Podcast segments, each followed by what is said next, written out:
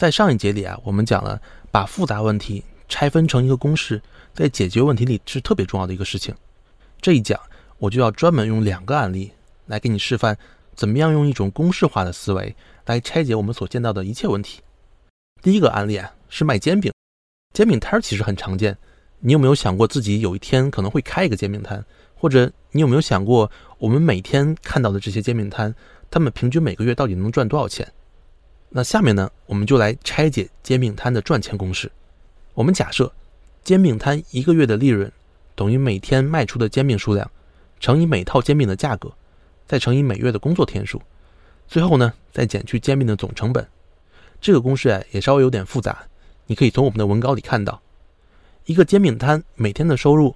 等于我每天卖煎饼的数量乘以每套煎饼的价格。比如说，我一天卖了一百套煎饼，那每套煎饼十块钱的话，我一天最终赚的钱就是一千块钱。这个就是一层拆解。但这个拆到最细了吗？其实还没有。每天卖煎饼的数量可以继续拆分为每小时卖煎饼的数量乘以每天工作的小时数。怎么估算煎饼摊每天的工作小时数呢？我们还可以做一个假设，我们大致认为啊。煎饼摊每天工作的时间呢，从早晨八点开始，到晚上六点结束。我们还可以根据实际情况做一些更准确的调整。比如说，卖煎饼的可能都是早晨生意最好，我们就可以设定为每天早晨有三个小时比较忙的时间。这三个小时里啊，每个小时可以卖三十套。晚上可能还会有一个小时比较忙的时间，这个时候也能卖三十套。但其他时间可能白天就会比较闲一点。比如我们就可以当成是六个小时的比较闲的时间，每个小时卖五套，这样计算一下，我们全天能够卖一百五十套煎饼。再假设我每个月工作二十五天的话，每个月卖出的煎饼总数啊，就是一百五十套乘以二十五个工作日。那我们再假设每套煎饼可能是五块钱，这样就能算出来他每个月的收入了，就是一万八千七百五十元。但是这个收入是他最后赚到手的钱吗？其实还并不是。因为这里的收入还要扣除成本，我们假设每一套煎饼的原材料成本可能是三元钱，当然实际也许到手会少一点，但这样算的话，最终一个煎饼摊能够赚到手的利润就是七千五百元。当然实际的数字可能会有出入，但是最重要的是，你通过拆分和公式化，已经知道了煎饼摊是怎么赚钱的了。比如我们可以当成是六个小时，每个小时卖五套，那。这样计算一下，我们就能得到说全天能够卖一百五十套。如果你之后有空的时候啊，也可以根据这个数字来跟我一起算一下这个数。小师弟和他的朋友们社群专享，请于下载后二十四小时内删除。那么假设他们每个月工作二十五天的话，那每个月卖出的煎饼总数就是一百五十套乘以二十五个工作日。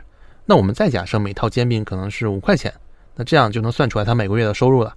就是一万八千七百五十元，但是这个收入就是他最后赚到手的钱吗？其实还不是，因为这里面收入要扣除成本。我们假设每一套煎饼的原材料成本是三元钱，当然实际也许会更少一点。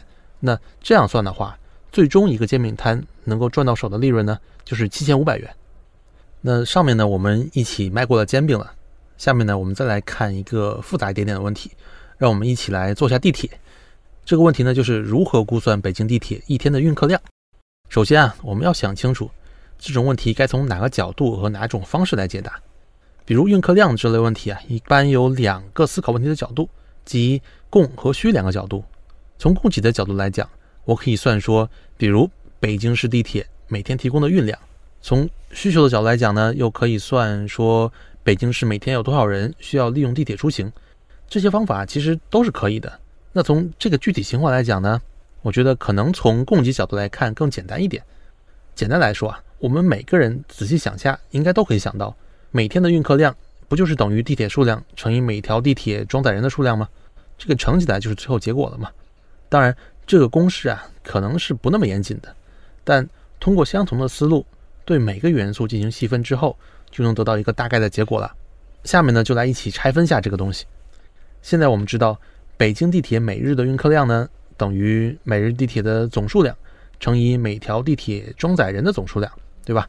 那我们继续细分，我们把地铁数量和每条地铁装载人的总数量也再拆分开来。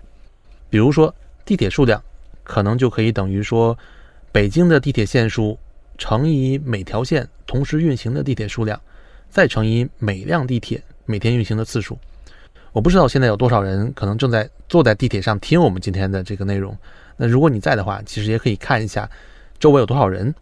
那每条地铁装载人的总数量呢，就等于每辆地铁的车厢数乘以每节车厢的核定人数，再乘以上座率。那我相信，如果你坐的是北京地铁的话，上座率大概会超过百分之二百，对吧？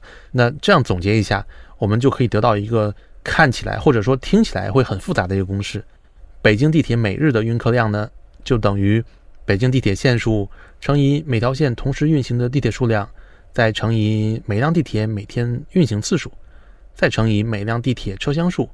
乘以每节车厢核定人数，再乘以上座率啊，这个我说起来都觉得是一个很复杂的公式，对吧？你如果有时间的话，可以再去文稿里看一下这个公式，你对照着这个公式去想一下，到底我们是如何拆解这个问题的。那后面呢，我们就随便给这些公式定一个数值，比如说北京地铁线数，我们假设为十条，呃，每条线同时运行的地铁数量呢是十辆，每辆地铁每天运行次数我们也假设是十次而已。那每辆地铁车厢数。